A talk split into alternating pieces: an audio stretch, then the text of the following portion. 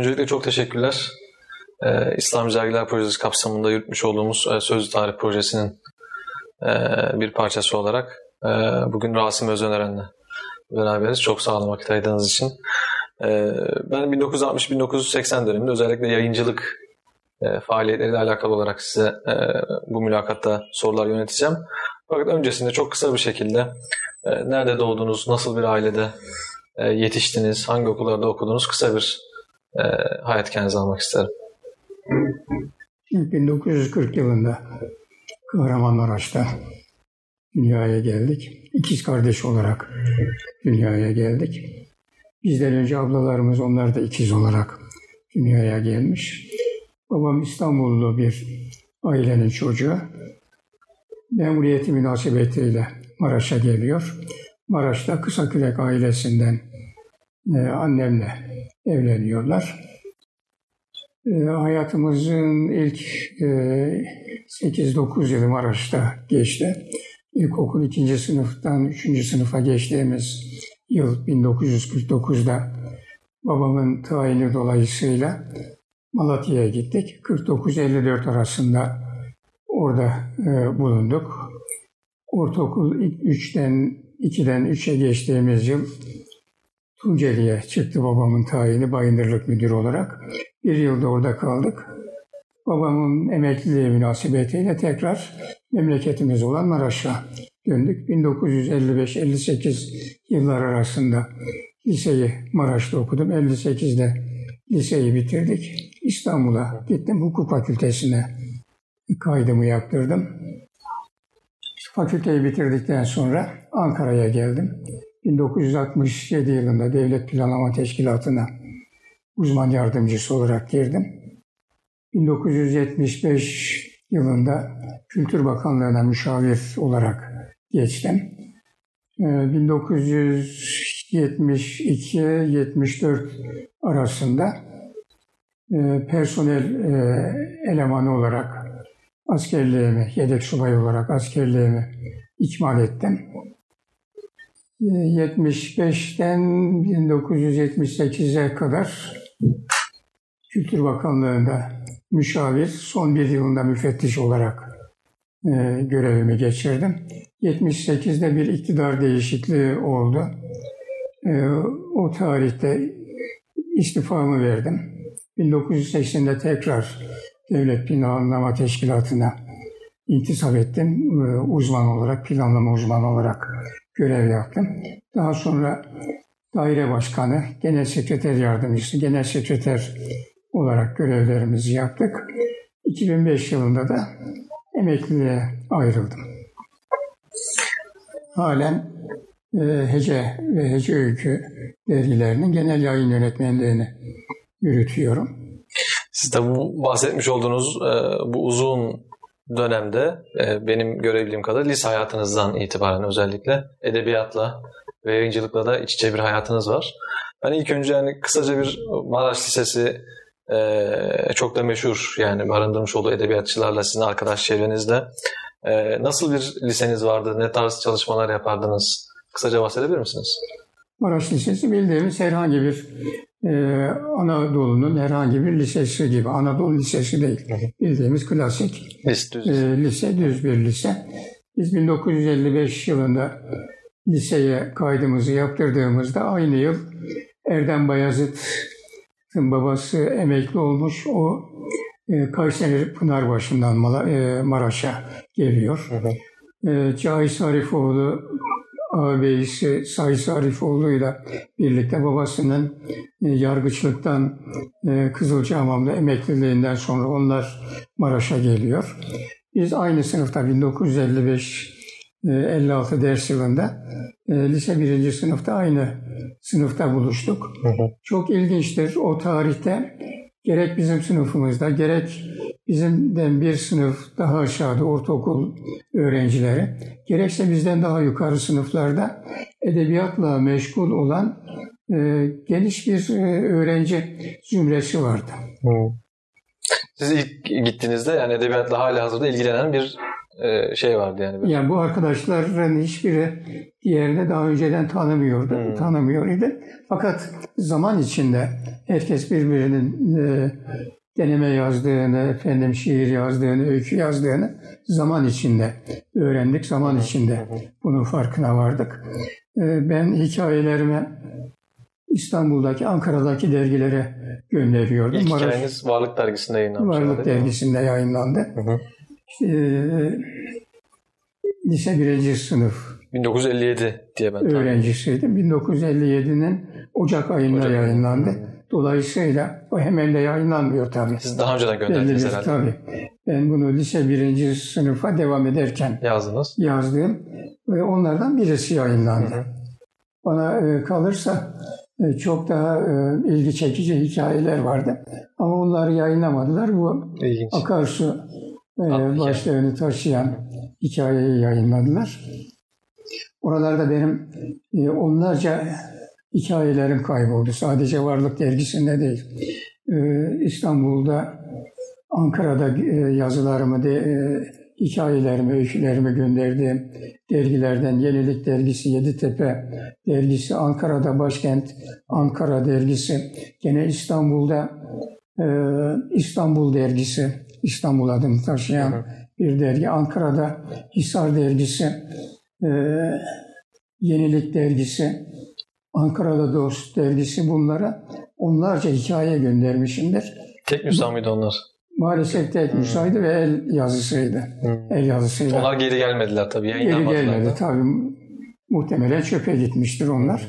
Bende de maalesef onların e, Kopyası. kopyası da yoktu. Çünkü el yazısıyla yazıyor idik.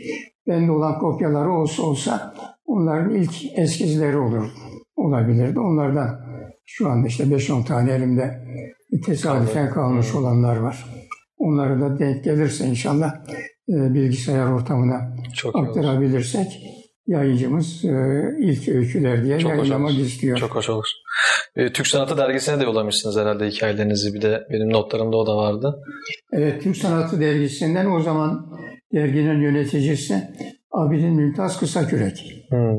Üstad Necip Fazıl'ın amcazadelerinden birisi. Ee, ondan bana mektuplar gelir idi.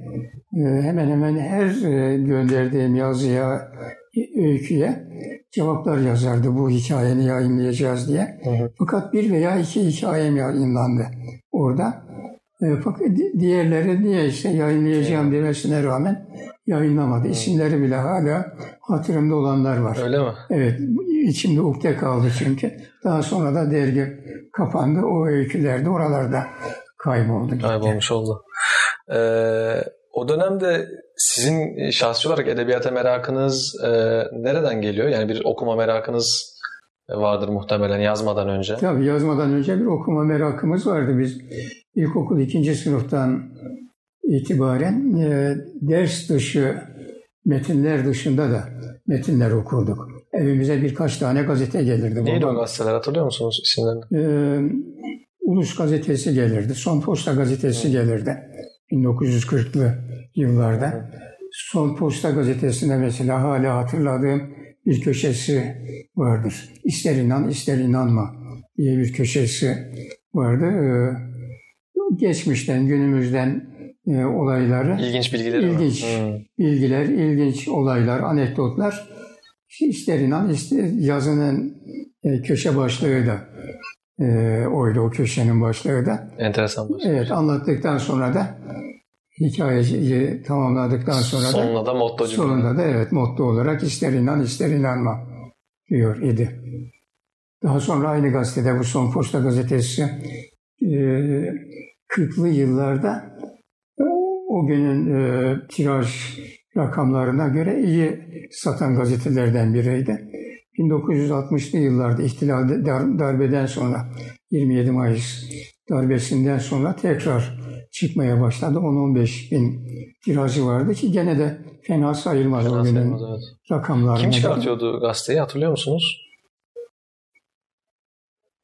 Vallahi dilimin ucunda ama e, şahsen tam e, hatırlayamıyorum. Ama 1962 yılında tekrar e, yayınlanmaya başladı ve e, Necip Fazıl da e, Balmumcu'dan tahliye edilmiş idi. Hı hı. Hapishaneden tahliye edilmiş idi. E, Necip Fazıl'a mesela bir köşe açtılar. Hı. O gün için büyük bir cesaret işiydi. Yani Necip Fazıl'ı e, himaye ediyor görünmek, ona sayfasını açmak, ona bir köşe vermek o günün şartları içinde e, büyük bir cesaret işiydi.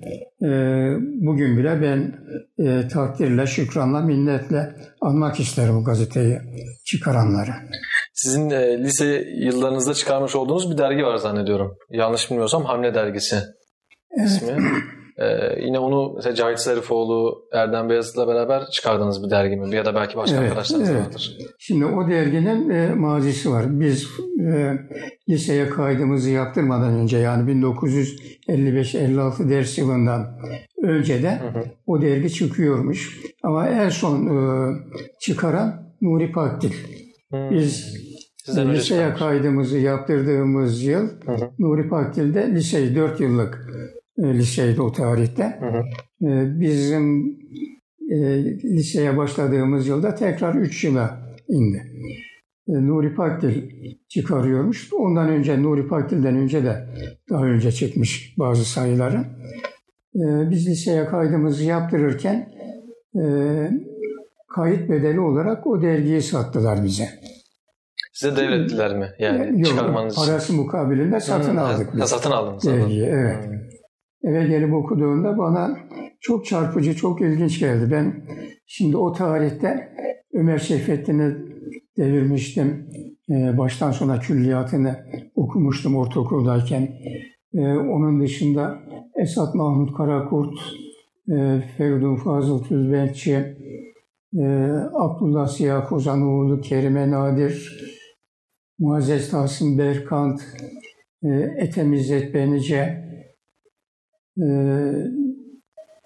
buna benzer başka şeyler, hikayeler bilmem Pardayanlar, Hı hı. e, Michel Zevako'nun bütün eserleri, Bayağı ciddi bir külliyat okumuşsunuz. evet tabii Hazreti Ali'nin cenkleri daha önce, bütün e, bizim halk hikayelerinin tamamı, Kerem ile Aslı Tahir ile Zühre, Leyla ile Mecnun, Köroğlu, e, Köroğlu, Karacaoğlan bütün bunların hayat hikayeleriyle beraber Yunus Emre hayat hikayeleriyle beraber e, şiir külliyatlarını da okumuş idik. Yani e, lise birinci sınıfa kaydımızı yaptırdığımızda 14 e, işte yaşımızın içindeyiz. 15'e adım atmak üzereyiz.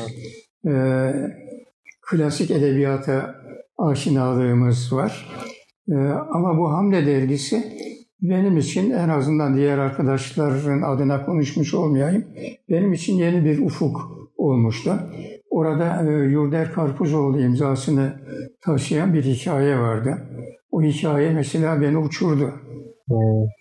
Neydi Ee, sizi etkileyen tam olarak? Yani hikayenin içeriğin, içerik mi, üslup mu? e, hem içerik hem üslup e, hem de tarz hikayenin anlatım tarzı. E, ben dediğim gibi e, klasik hikayeye aşinayım.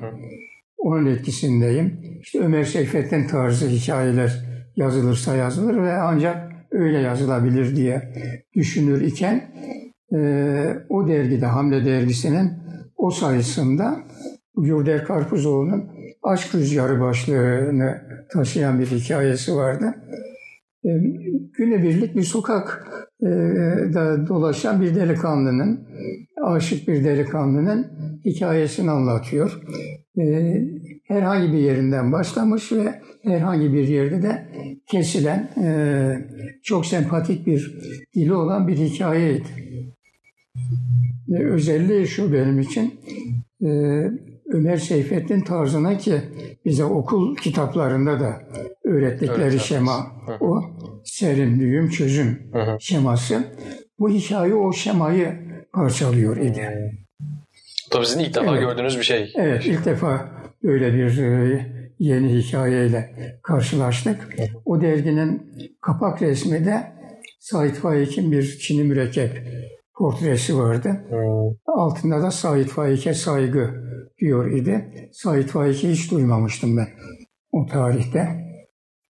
Ee, daha sonra aradan 3-5 ay geçtikten sonra aynı yılın 1956 yılının Mayıs ayında Varlık dergisiyle karşılaştım. Varlık dergisinde aynı resmi gördüm. Onun okul müdürü olmadığını, bir yıl önce 1954 yılında e, ölmüş olan bir hikaye yazarımız olduğunu öğrendik. Onun kitaplarını sipariş ettim. Niye sipariş ediyorum? Maraş'ta e, kitap evi yoktu o tarihte. O zaman bayağı küçükmüş Evet. herhalde.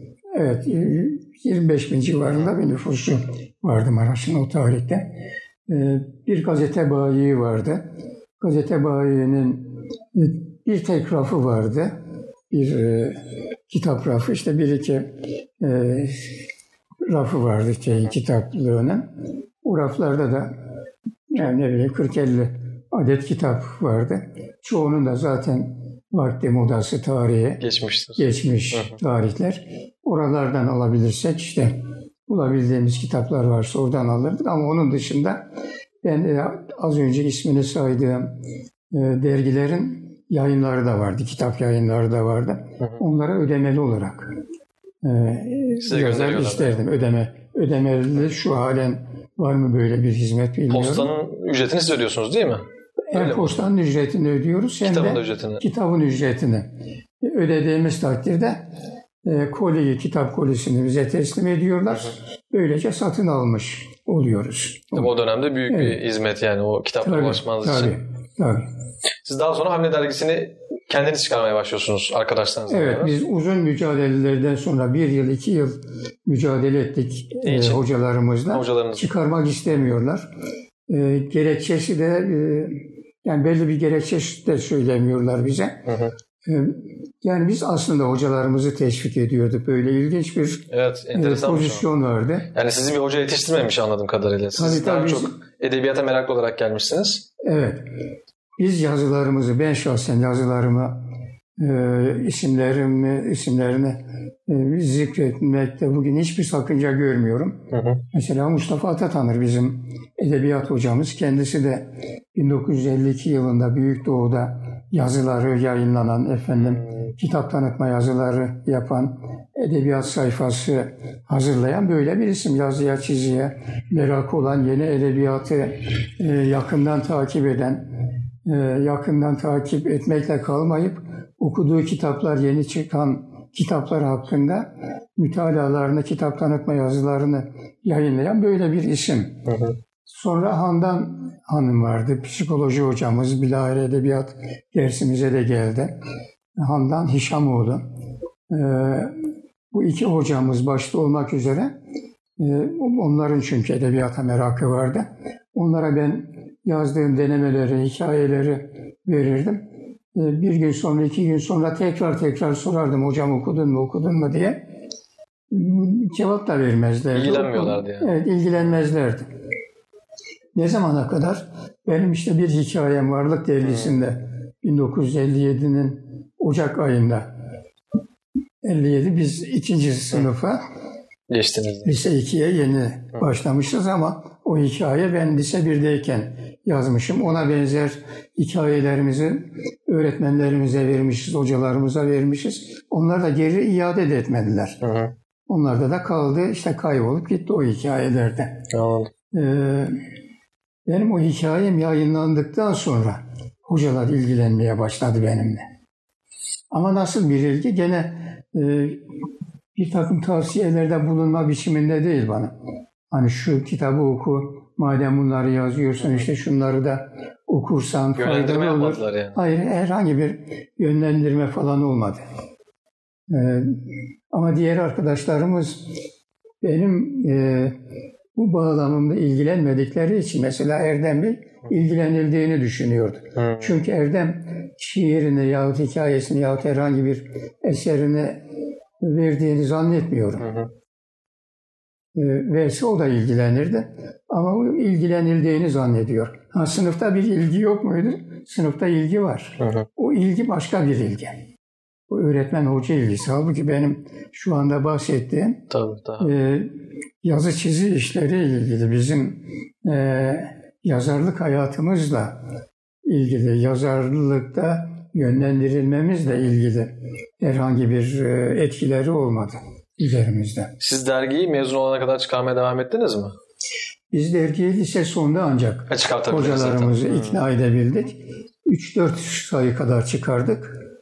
Ee, derginin zaten e, belli bir sponsoru da yoktu. Hı hı. Ee, okulun e, bir ödeneği de yok. Ona tahsis edilmiş bir Kendi imkanlarınızla çıkardınız. Kendi imkanlarımızla, kendi harçlıklarımız Hı. artı e, işte matbaadan o dergiyi satan e, matbaanın reklamını aldık. Hı. Dışarıdan bir iki işte e, mağazanın reklamını aldık ki o tarihte Maraş'ta bu reklam vermek e, menfi bir algılaması vardı. Reklam veren bir müessese Hı. batıyor demektir denirdi. Evet. Ona ihtiyaç duyuyorsa demek ki zor durumda. Evet, e, zor durumda. Onun için reklam vermek istemezlerdi. Hı hı. E, mesela bazılarının katkısı olurdu. Aman ha bizim reklamımızı yapmayın, bizim durumumuz işte İyi. kendi halinde gidiyor kabiliğinde. Evet. Bozuk anlaşılmasın. evet. Siz 1958 e, yılında İstanbul'a geliyorsunuz üniversite okumaya. Evet. E, şimdi Maraş biraz önce de değindiğimiz gibi ufak bir yer.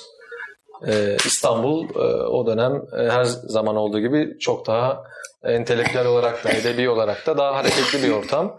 E, İstanbul'a geldiğinizde nasıl bir ortamla karşılaştınız? Yani arkadaş çevreniz nasıldı? O Maraş'ta kurmuş olduğunuz arkadaşlıkları İstanbul'da beraber mi devam ettirdiniz? Nasıl oldu?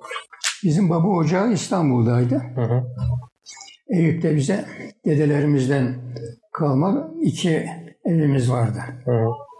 İstanbul'un ahşap e, evlerinden yan yana bayıldım Eyüp. E, bayıldım e, çıkmazda. Hı hı. 1 ve 3 numaralı evler bize aitti. Ama o evlerde de sadece bizim akrabalarımız, halalarımız değil, e, kiracılar da vardı. Biz 3 numarada oturduk. E, İstanbul'a geldiğimizde herhangi bir arkadaş çevremiz yoktu. Ben erken gelmiştim evimiz olduğu için. Hı hı. E, Maraş'tan erken ayrıldım. E, Ağustos, Eylül falan o aylardaydı benim İstanbul'a gelişim. Bilahare fakültenin açılışına yakın diğer arkadaşlar Ali Kutlay, e, Ali Karcı, efendim başka arkadaşlarımız gerek hukuk fakültesine gerek e, edebiyat fakültesine gerek iktisat fakültesine kaydını yaptırmak isteyen arkadaşlarımızla Ankara'da, e, İstanbul'da buluştuk. Ama benim Ankara'da da siyasal bilgilere e, bir e, müracaatım vardı. Yine hacette oraya da girebilirim Hı hı. mülahazasıyla iki yere müracaatım vardı. Ankara Siyasal Bilgiler ve İstanbul Hukuk Fakültesi, İstanbul Üniversitesi Hukuk Fakültesi. Neticede diplomamız hukuk fakültesine gönderildi. O zaman kayıt kolaydı. Her fakültenin belli bir kontenjanı var. O kontenjan dolduğu takdirde sınav yapılırdı. Dolmadığı takdirde müracaat eden herkes kaydını yaptırabilirdi. Biz de dolayısıyla e, zaten İstanbul'da okumak istiyordum. Zaten hukuk fakültesinde okumak istiyordum. Dolayısıyla kaydımızı yaptırdık. Kaydımızı yaptırdıktan sonra işte belli bir arkadaş çevresi oluştu. Maraş'tan gelen arkadaşlar, başka yerlerden gelen arkadaşlar onlar daha çok da e, edebiyat çevresi, lisede edebiyatla meşgul olan arkadaşlarımızdı. Mesela Adana'dan gelen bir grup arkadaşımız vardı. Biz onlarla Maraş'ta çıkardığımız dergiler, Maraş'ta çıkardığımız e, mahalli gazetelerde yayınladığımız sanat edebiyat sayfalarını becaiş ederdik. Adana'daki e, Gaziantep'teki arkadaşlarla onlarla tanışıklığımız başladı. Hı hı. Ee, daha sonra e, 1962 yılında Sezai Karakoç'la tanıştık. Hı hı. Nuri Pakdil'le zaten gıyabi bir tanışıklığımız vardı. Fakültede bir dönem e, beraber okuduk Nuri Pakdil'de. O- İstanbul'da öyle mi? İstanbul'da evet o bizden daha ileri sınıftaydı. O son sınıftayken biz yeni başlamıştık fakülteye. Ee, ben bir gün şeye, e, İstanbul'a ilk geldiğim yıl Türk Sanatı Dergisi'nin levhasına rastladım bir e, kapı zilinin üzerinde. Hı hı. Herhalde dedik bizim Türk Sanatı Dergisi burası. Olsa zili çaldım, içeriye girdik. Fikret Bey diye birisi vardı. Derginin sahibi olarak görünüyordu. Ee, o tarihte bu söylediğim 1958 yılının Ekim veya Kasım ayı olabilir. Hı hı. Kemal Tahir hapishaneden tahliye edilmiş. O Fikret Bey ile onun yanında birisi daha vardı. İsmini e, bilemedim. Tabii sormak da bize düşmüyordu. E, Kemal Tahir'in tahliyesiyle ilgili olarak konuşuluyordu. Ben bir süre bekledim benim ne istediğimi. Sorduklarında kendimi tanıttım. Ben Maraş'tan dedim buraya çok hikaye göndermiş idim. E, yayınlanacağını da söylemiştiniz. Abidin Mümtaz'ın bana mektupları da vardı. İşte şu şu şu hikayelerin yayınlanacağını da yazmıştı bana. E, dergi kapandığına göre dedim o hikayeleri alabilir miyim? Dedim. Adam baktı böyle bir müstehsi bir tavırla evlat dedi onların hepsi çöpe gitmiştir dedi. Biz dedi sakla, saklamayız, saklamıyoruz. Hikayeleri yayınlanmış olanlar zaten dergide e, var. Diğerlerini de çöpe atıyoruz. Dedi benim için tabii büyük bir sukutu hayal oldu. Tabii. Vedalaştık, ayrıldık. Gene o yıllar Dost dergisinin bir e, duyurusu vardı. Derginin bir köşesinde. Biz diyor idi, bizim öyle bir arşivimiz var ki yazarının e, bile muhafaza edemediği ürünleri biz arşivimizde muhafaza ediyoruz. Saklıyorlar yani. Saklıyoruz, evet. Bunun üzerine ben e, 10 adet hikayemi düğüm başlıklı düğüm diye başlayan birden ona kadar düğüm bir, düğüm iki, düğüm üç, e, sinek başlıklı bir hikaye vardı. Sinek 1, 2, 3 Hı hı. ona kadar devam ediyor. O da başlıklı, o da 1, 2, 3, 5, 10 diye devam eden bu başlıklar altında daha dahası da var. E, bunları temize çektim ve dergiye gönderdim. Hiç olmazsa dedim, ben, Yayınlamasın. evet, yayınlamasalar bile derginin arşivinde bulunsun. Hı hı. E, Bir gün lazım olursa ben oradan alabilirim bunu. Düşüncesiyle e, emanet ödünç daktilo e, almıştım birinden. Bütün işte e, 30-40-50 parça hikayeyi yazdım gönderdim. Parçalar halinde dergiye gönderdik.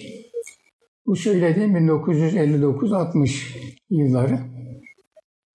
Aradan iki yıl geçti 1962 yılında.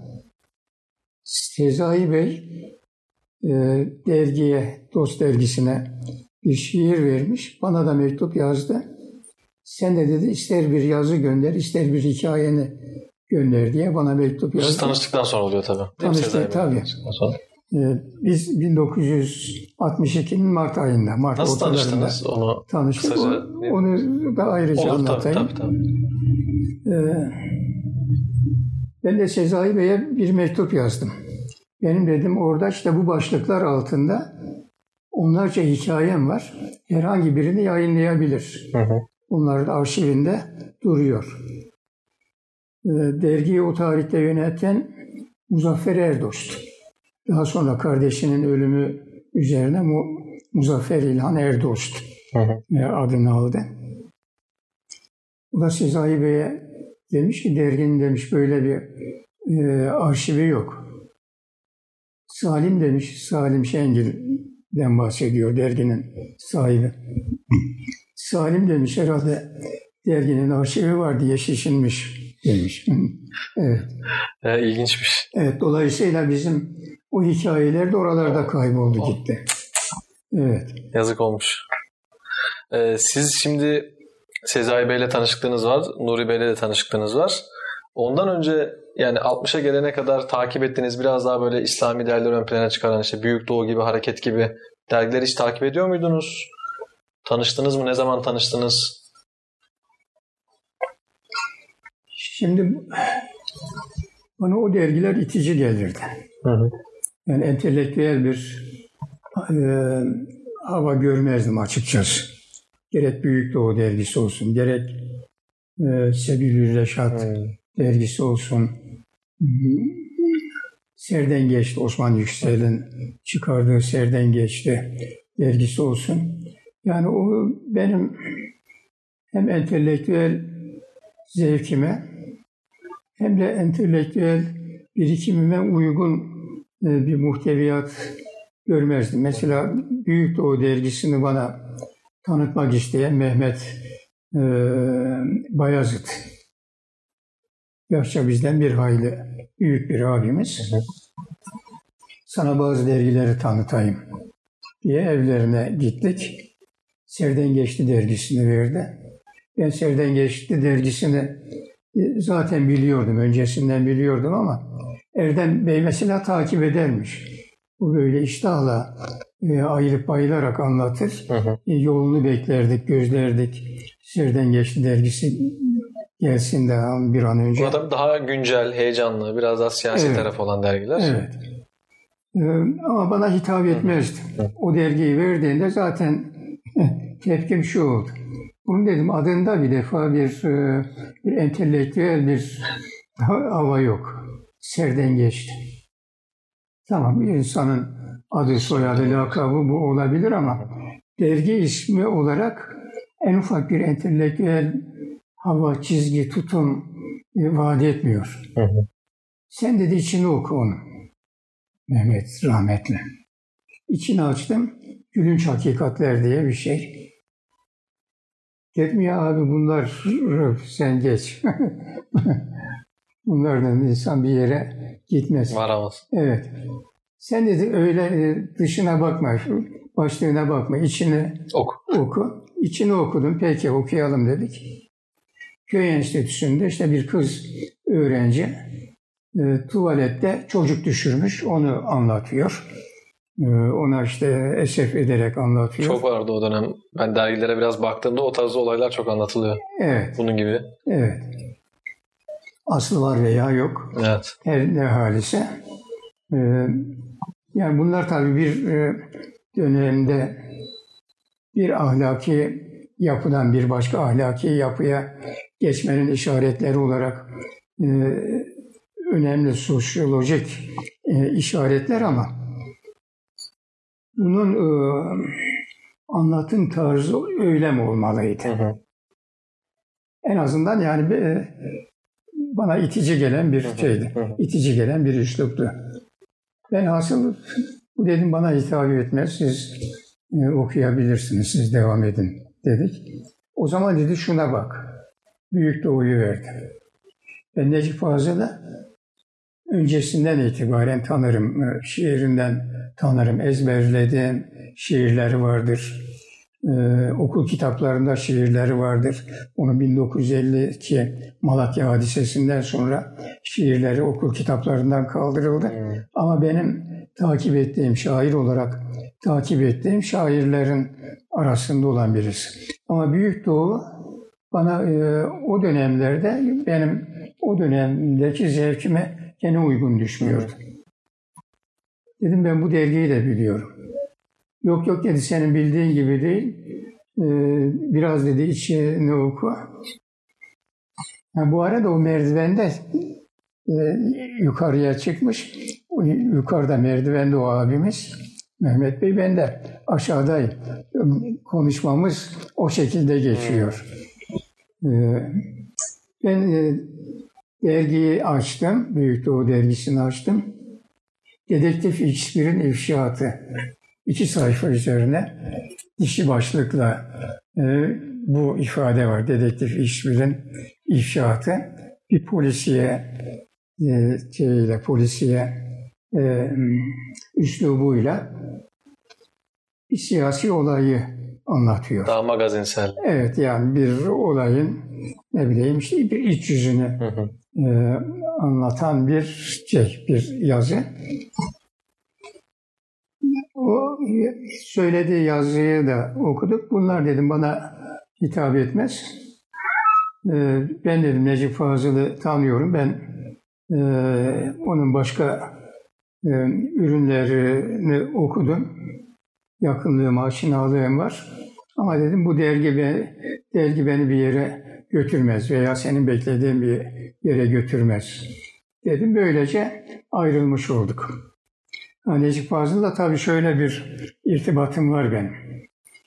Ee, ben sadece kendi sınıfımızın kitaplarını okumazdım. Edebiyat, Türkçe derslerinde.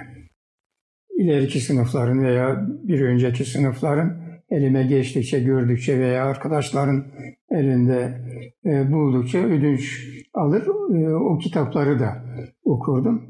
İşte lise e, lise kitabında Nihat Sami Banarlı'nın hazırladığı bu 1952'den önce olmalı. Onun Geçen Dakikalarım şiiri vardır. Mesela bayılarak okuduğum ve ezberim aldığım şiirlerden birisidir. Türkçenin e, lirizmi o şiirde gerçekten tam en somut biçimiyle görülür.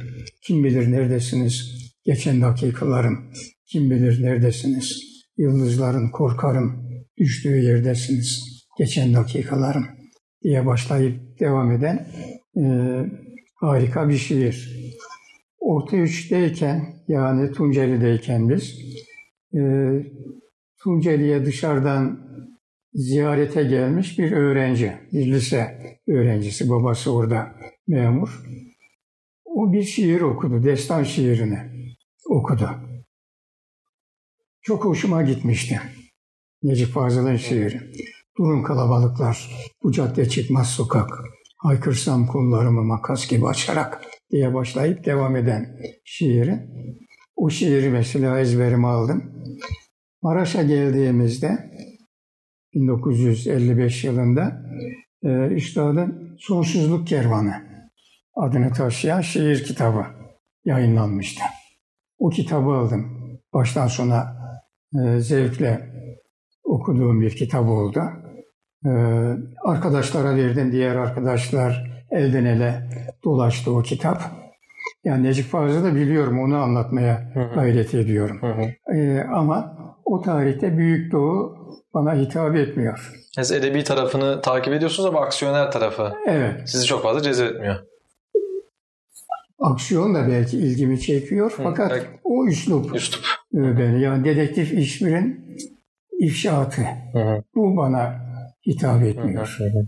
Yani ben onu öyle yazacak, onu okuyacaksam onun konusu her neyse o ifşaatın konusu işte Milli Eğitim Bakanlığı'nda hırsızlık yapıldı parası.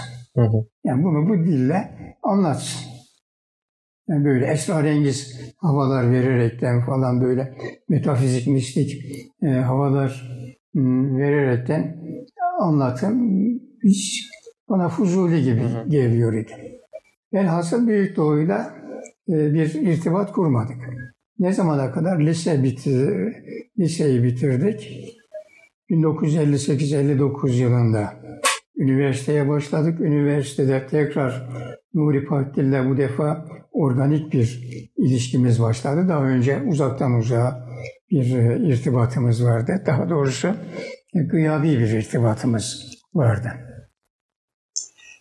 Büyük Doğu haftalık olarak yeniden yayınlanmaya başladı.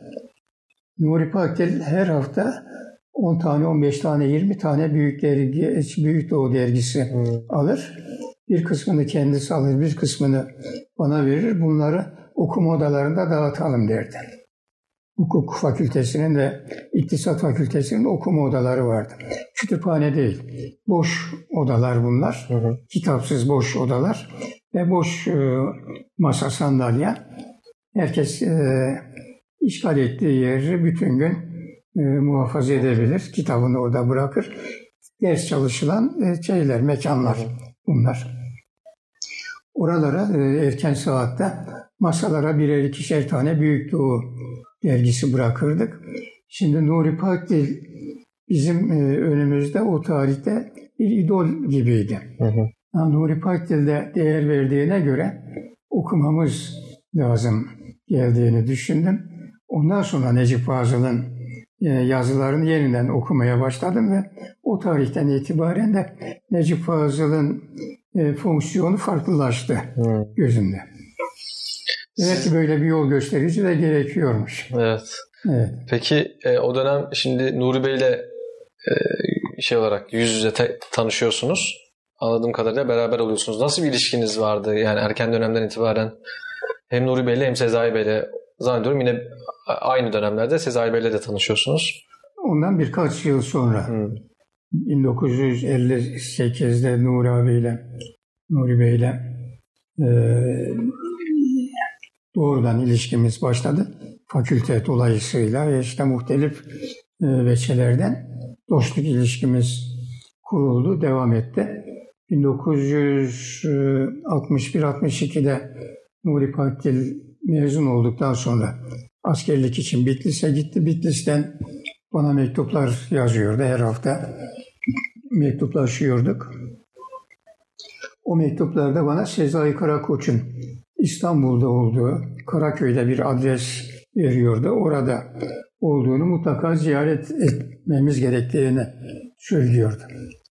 Ben de diğer e, cevaplarımızın yanında mektup, mektuba cevap verdiğimde henüz fırsat olmadı, henüz fırsat olmadı tanışmaya cevabını veriyordum. Yine öyle bir cumartesi günü, bu tarihte cumartesi günleri yarım mesai vardı. Hmm. Saat 1'e kadar daireler, resmi daireler açık kalırdı. Saat 1'den sonra e, yarım e, gün Tatil. tatile girerdim.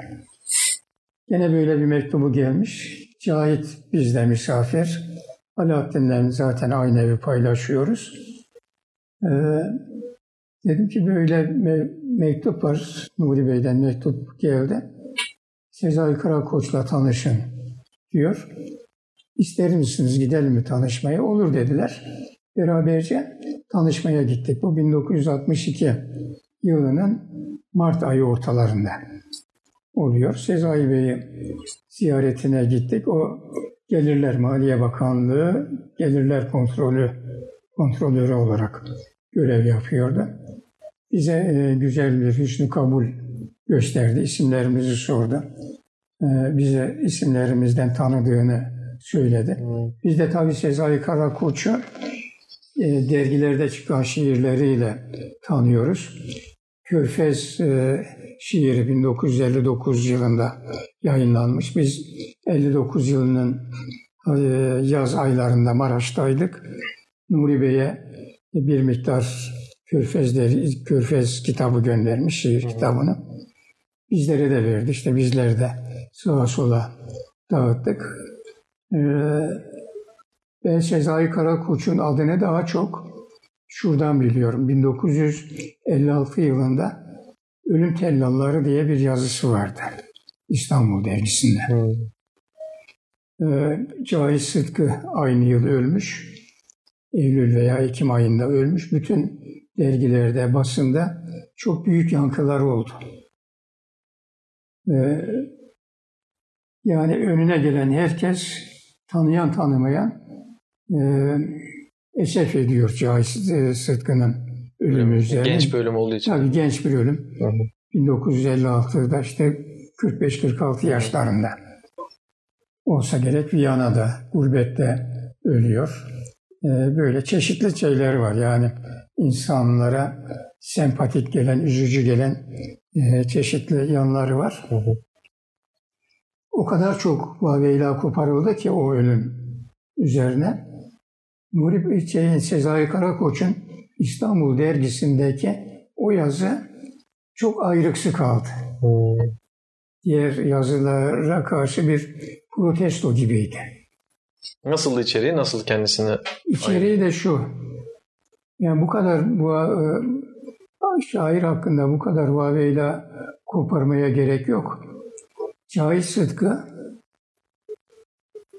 Cahit Sıtkı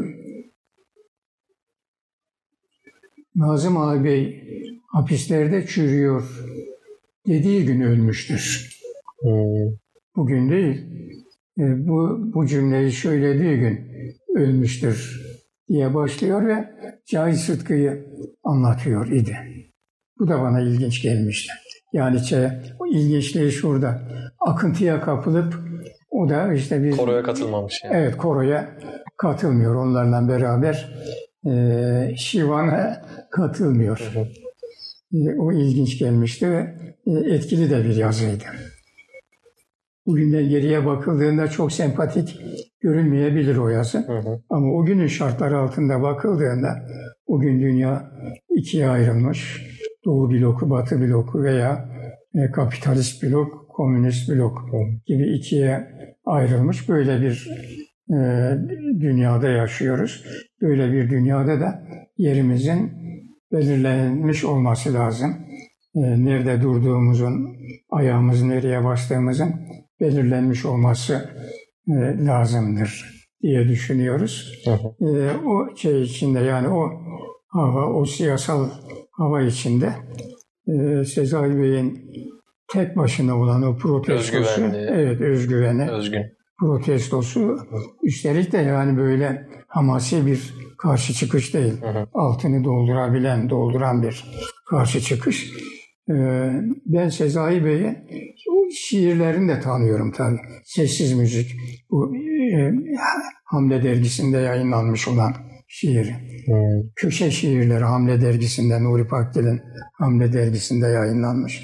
O şiirlerinden tanıyoruz. Artı e, Körfez ki bu şiirlerin hemen tamamı Körfez e, kitabında da toplandı.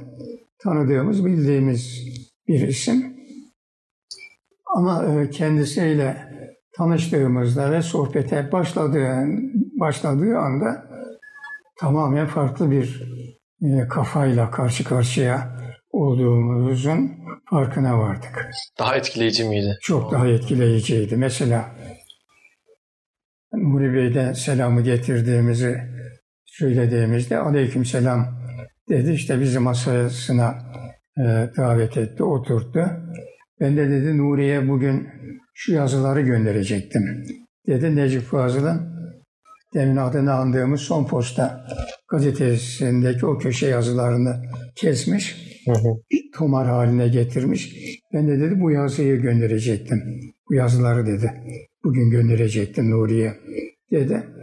Ee, işte Son Posta gazetesinde Necip Fazıl'dan açılınca Necip Fazıl'ın haksız yere mahkum edildiğini, işte neticede de beraat ettiğini veya en azından tutukluluğunun ortadan kaldırıldığını Necip Fazıl'dan başlamak suretiyle 27 Mayıs darbesini tahlil etti. Şimdi o güne kadar bizim gördüğümüz tahliller, yazılar, 27 Mayıs'ı 27 Mayıs darbesini anlatan yazıların e, neredeyse tamamı birbirini kopya çeken işte askerin canı istedi veya asker e, Demokrat Parti iktidarını gide gide tehlikeli bulmaya başladı. Darbeyi yaptı. İyi etti. Böyle bir darbeye de zaten bu e, hükümet müstahaktı. Hı hı. Mealinde yazılar yazıyor. Daha çok destekleyen yazılar. Evet. Yahut ne bileyim Cevat Rifat Atilan bu işin bir mason fırıldağı buna benzer şeyler olduğunu söylüyor. Buna benzer şeyler e, taze suya tirit kabilinden yorumlar. İlk defa tarihsel ve e, sosyolojik açıdan temellendirmek suretiyle e, darbenin tahlilini. Sezai Karakoç'un yaptığını gördüm. Bunu size sohbetinde anlattı değil mi? Sohbet, evet. Sohbet oradan başladı. Hı hı. Ayrıca Menderes'le ilgili ilginç, onun şahsıyla ilgili ilginç e, tahliller yaptı. Ne gibi Celal Bayar'la e, Adnan Menderes'i karşılaştırdı. Hı. Celal Bayar dedi hemen teslim olmadı. Çünkü dedi o komitacıydı. Hı o Balkan Savaşlarında olsun, efendim İstiklal Savaşı'nda olsun komitacı olarak katıldı ve savaş boyunca da dedi o komitacılığını terk etmedi. Onda dedi komitacılık neredeyse bir meslek haline gelmiş idi. O silahı efendim, askeri, milisi bilen birisiydi. E, direndi dedi. Halbuki e, Menderes köylü çocuğuydu, bir çiftçi çocuğuydu. Bizim köylü, bizim çiftçimiz, köylümüz e, jandarma dipçiğinden korkar. Asker dedi kendisini e, Uşak yolunda teslim almaya geldiğinde o askeri de dedi jandarmayla karıştırdı. Hmm. Öyle ilginç bir e, yorum yaptı. Evet ilginçmiş. Ve şeyi de tekrar e, e, Dari Bey'i de tarihsel e, siyasal bir zemine oturtarak açıkladı. Oradan şiir bahsine geçtik. O arada bize işte nelerle meşgul olduğumuzu falan sordu da biz de yazılarımızdan falan bahsettik. Laf ikinci yeniye geldi. Şimdi ikinci yeni için yapılan yorumlar şu, şunlar, şuna benzer şeyler. İlk defa işte Türkçenin imkanlarını zorluyor. Ee, Türkçe'ye yeni e, imkanlar getiriyor. Ee, daha çok böyle dil açısından, dilin imkanları açısından, retorik açıdan bir Değerlendirme. e, değerlendirme, e, eleştiri, değerlendirme yapılıyordu. Halbuki e, Sezai Karakoç bu olayı da, bu akımı da tarihsel ve sosyolojik bir zemine oturtarak açıkladı. Şunu söyledi.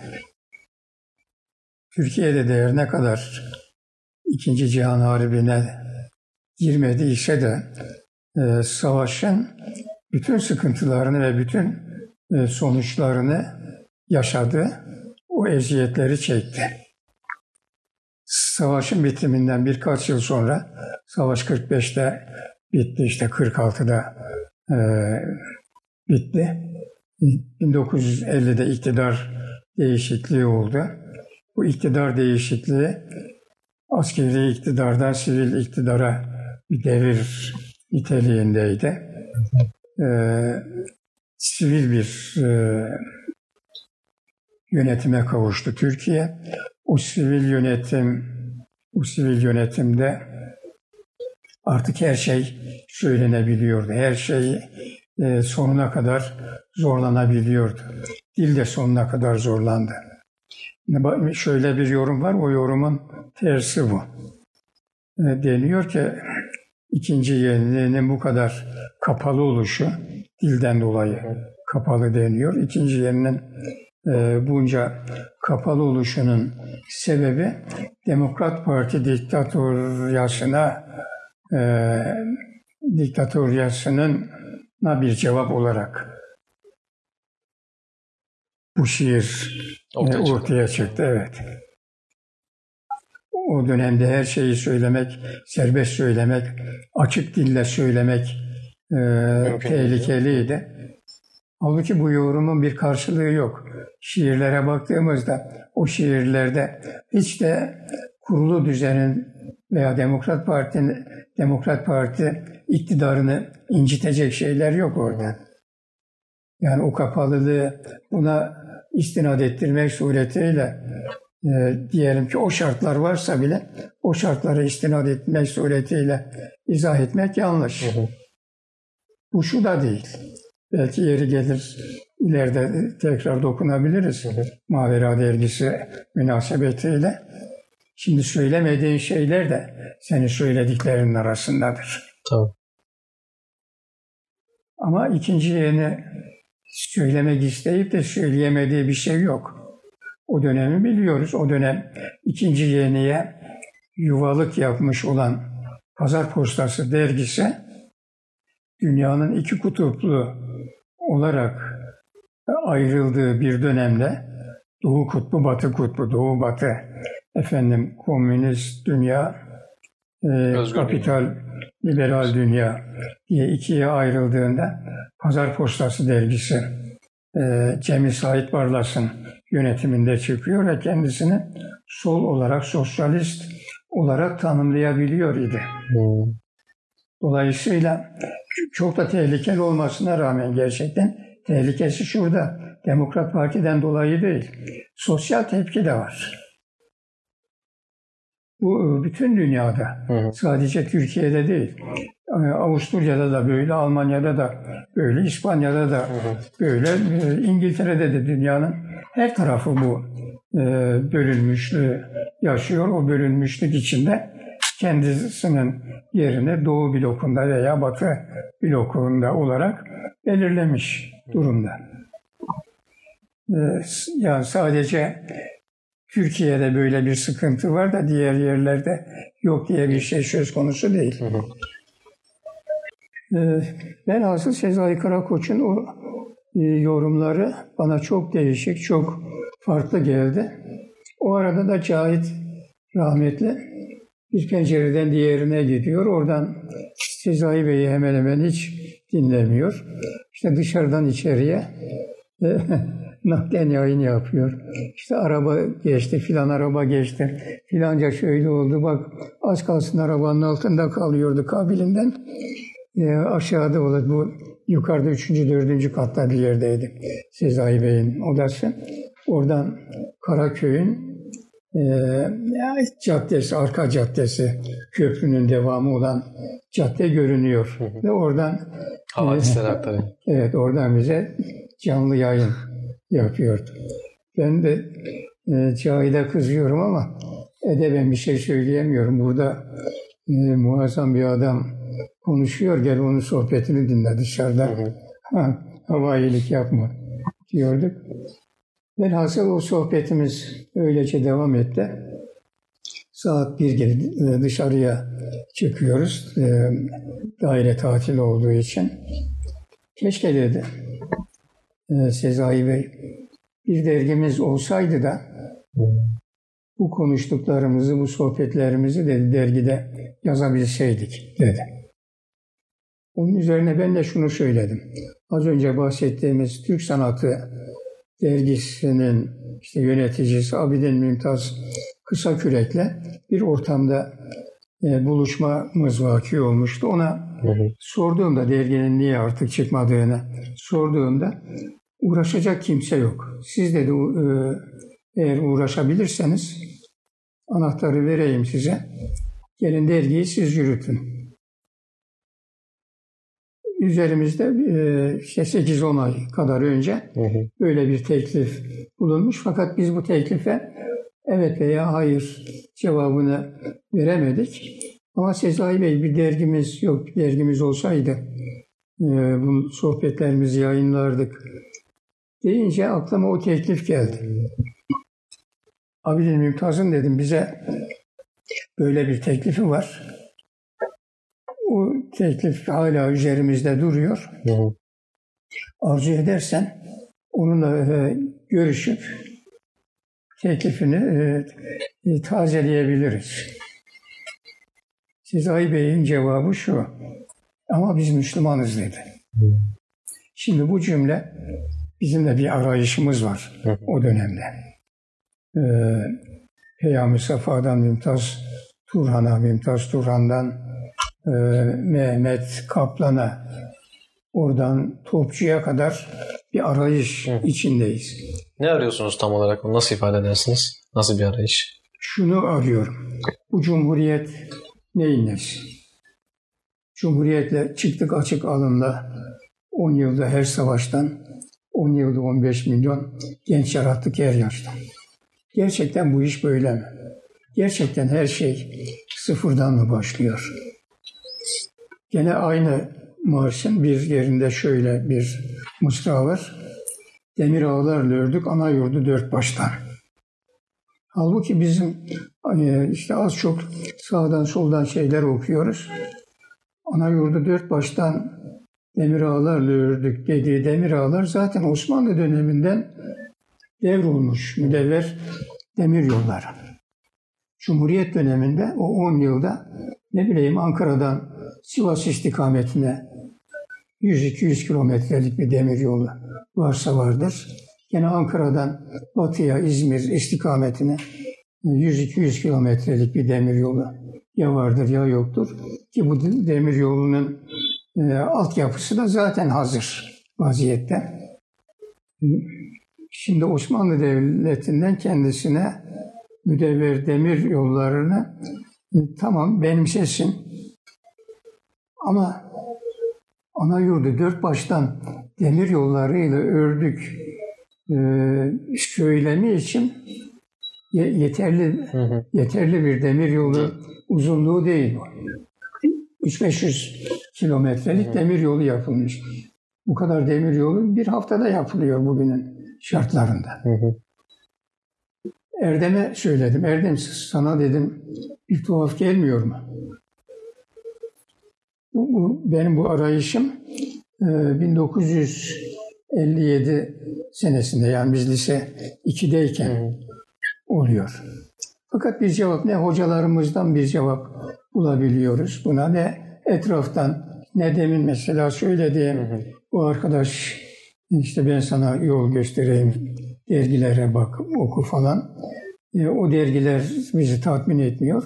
Böyle bir arayış içindeyim. Hı hı. O arayış da devam ediyor. E, işte Peyami Safa'nın Türk İnkılabı'na bakışlarını okuduk. Türk İnkılabı'na bakışlar yani bu inkılaplar isabetlidir, iyidir. Ama e, daha iyi olabilmesi için Batı'yı en dibinden, en kökeninden öğrenmemiz lazım. Batı, e, Batı uygarlığı, Grek felsefesi, Latin, e, Roma hukuku ve Hristiyanlık. Bunları özümsememiz lazım. Yine o perspektiften evet. sizin aradığınızı karşılamayan evet. bir perspektif. Evet. Veya Mümtaz Duran, batılılaşmanın neresindeyiz? Bir hayıflanma e, cümlesi bu. Kitabının başlığı öyle. Hı hı. Daha sonra bunu e, kültür değişimleri, kültür, kültür değişimi veya kültür değişmesi mi, değişmeleri kitabında şey yaptı. Hı hı. Topladı. O kitabını okuduk. Orada da söylenen şey şu, özetin özeti olarak ana fikri. Biz e, bu kafayla batılılaşamayız. Biz batının ilmi zihniyetini benimsemedikçe batılılaşamayız. Öncelikle batının ilmi zihniyetini benimsememiz lazım. Hı hı. Bu da bana bir şey söylemiyor. Yani bunları ben o tarihte tam manasıyla değerlendirebildiğimi söyleyemem. Hı hı. Ama tatmin edici, köktenci bir şey değil. Bu mevcut kurulu düzenin istikametini onarmaya matuf teklifler bunlar. Hı hı. Köktenci bir teklif değil. Bu şeydeki, bu istikametteki en köktenci teklif mütefekkir olmamasına rağmen veya iyi bir mütefekkir olmamasına rağmen Nurullah Ataç hmm. o şunu söylüyor. Şayet batılılaşacaksak bugünün İngilizcesini, Fransızcasını öğrenerek bir yere gidemeyiz.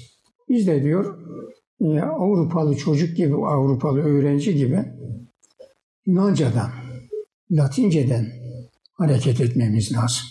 Eski Yunanca'dan. Oralara inmek suretiyle. Daha özcü bir yere gidiyor. Yani. Tabii. Oralara inmek suretiyle kendimizi yenilemeliyiz. Artı divan şiirini Osmanlı'ya kökten reddetmemiz lazım. Böyle bir geçmişi kabul etmememiz lazım. Hı hı.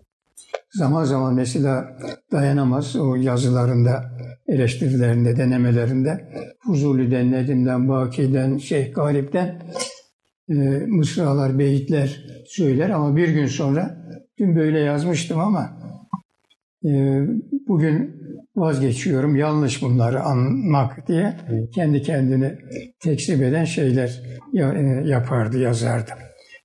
Mesela o, o çok bilinçli batı, batıya taraftar olmak kendimizi, kendi kültürümüzü reddetmekten. Bayram günleri, Ramazan, Kurban bayramlarında kapısına levha asarmış bayram tebriki için gelmeyin hmm. diye levha sarmış. Ee, mesela yazılarında biliyorum cennet cehennem diye bir şey yok diye böyle açık seçik onlar hakkında da ben yazı yazdım. Haza kafirdi yani. Kafir olacaksan öyle eciş bücüş kafir olmayacaksın. Ya Ataç gibi Dürüst tepeden şekilde. tırnağa evet e, kafir olacaksın ya da Müslüman olacaksan Necip Fazıl gibi adam gibi Müslüman olacaksın.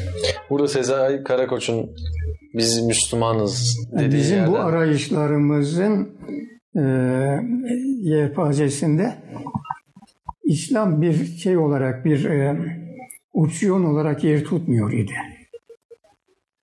Biz İslam'ı biliyoruz tabii. İyi kötü namaz kılıyoruz vesaire. Ama onun bilinci yok bizde. Onun kültürü var belki. Onun ne bileyim evde anadan babadan tevarüs edilmiş geleneklerimiz var. Fakat İslam bilinci diye bir şey yok.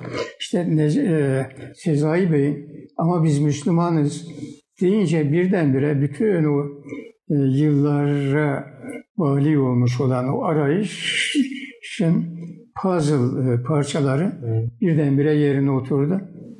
E, ikinci bir soru da sormadım ben ona. Yani biz Müslümanız da e, Peyami Safa Faraza Müslüman değil ya Mümtaz Turhan onlar e, hiç sorma ihtiyacı çıkmadı. Onlar da yerli yerine oturdu. O bir bilinçlilik haline tekabül ediyor değil mi? Yani biz Müslümanız dediği bir Müslüman bir bilinç, Müslümanca bir bakışa tekabül ediyor herhalde anladığım kadarıyla. Tabii, tabii biz Müslümanız. Demek ki kimlik veriyor sana. Hı hı. Senin kim kimliğini söylüyor. Ama biz daha önce işte batıcı mıyız? Batılılaşmanın neresindeyiz? İlim miydi bilmem, ahlak mıydı batının? İşte Akif'in ilmini alalım, ahlakını reddedelim. Yok böyle bir şey. İlmini alırsan ahlakını da alacaksın. Hı hı. O ilim o ahlaki zeminde ortaya çıkmış. Bunu bir e, bıçak çok. gibi evet kesip alamaz. O açıdan eleştirilerimiz de var bizim. E, Çok e, hoşlanmadı bizim camiye ama çünkü onu idol olarak belirlemiş. Ama onun idol olduğunun da farkında değil. Yeterince tartışmıyor fikirlerini o anlamda mı söylüyorsunuz? Evet. Ne diyor? Mesela Kur'an e, Kur'an'dan alıp ilhamı asrın idrakine söyletmeliyiz. İslam'ı. Tamam. İlhamı Kur'an'dan almakta problem yok. Asrın idrakine İslam'ı söyletmek o, orada problem var. Asrın idraki kim ki onun idrakine İslam'ı söyleteceğiz? Bir öncelik sonralık Evet. durum olur. Yani asrın idraki e, akımlar mıdır faraza? Pozitivizm gibi, rasyonalizm gibi, ilmi zihniyet gibi, Mümtaz Duran'ın deyimiyle. İlmi zihniyete söylettiğimizde İslam'ı, İslam'ın kabul ettiği yerler olabilir, etmediği yerler olabilir. Yahut aslın idraki kimdir? Necip Fazıl mıdır? Ahmet Cevdet Paşa mıdır? Fuzuli midir? Siz bu eleştirileri Marx mıdır? bu arayış döneminde mesela Mehmet Akif hakkındaki bu fikirlerinizde çok erken dönemlerde mi zuhur etmişti? Bunları biz 1977 yılında biz bu fikirlere sahip idik ama Biraz bunları bizim dönem. Yazacağımız ortam söz konusu değil. Öyle bir ortam yoktu. 1977 yılı Nisan'ında Yeni Devir diye bir gazete bize e, yazı teklifinde bulundu. Orada bunları yazma, yazarak başladık. Oradaki yazılarımıza. Ee, siz Diriliş dergisinin sonra nasıl bir hikayesi var? Siz neresinde yer alıyorsunuz derginin? Ee, o Sezai Karakoç'la görüşmenizden sonra. 1962 Hı hı. yılından 1966 yılına kadar Diriliş dergisi yok. Zaten Daha önceden Siz- açılıp kapanıyor galiba değil mi? Yanlış hatırlamıyorsam. daha önce bir veya iki sayı 27 Mayıs'ta kapanıyor. Ha, Bir, ya, bir sayı zannediyorum çıkmış. Bir veya iki sayıda gene Sezai Bey'in Türk Sanatı adını taşıyan bir başka dergisi var. Çıkmış kapanmış. Yani Sezai Bey'in öyle bir e, öğrenci bursunun dışında bir geliri falan yok. Ancak o öğrenci burslarıyla.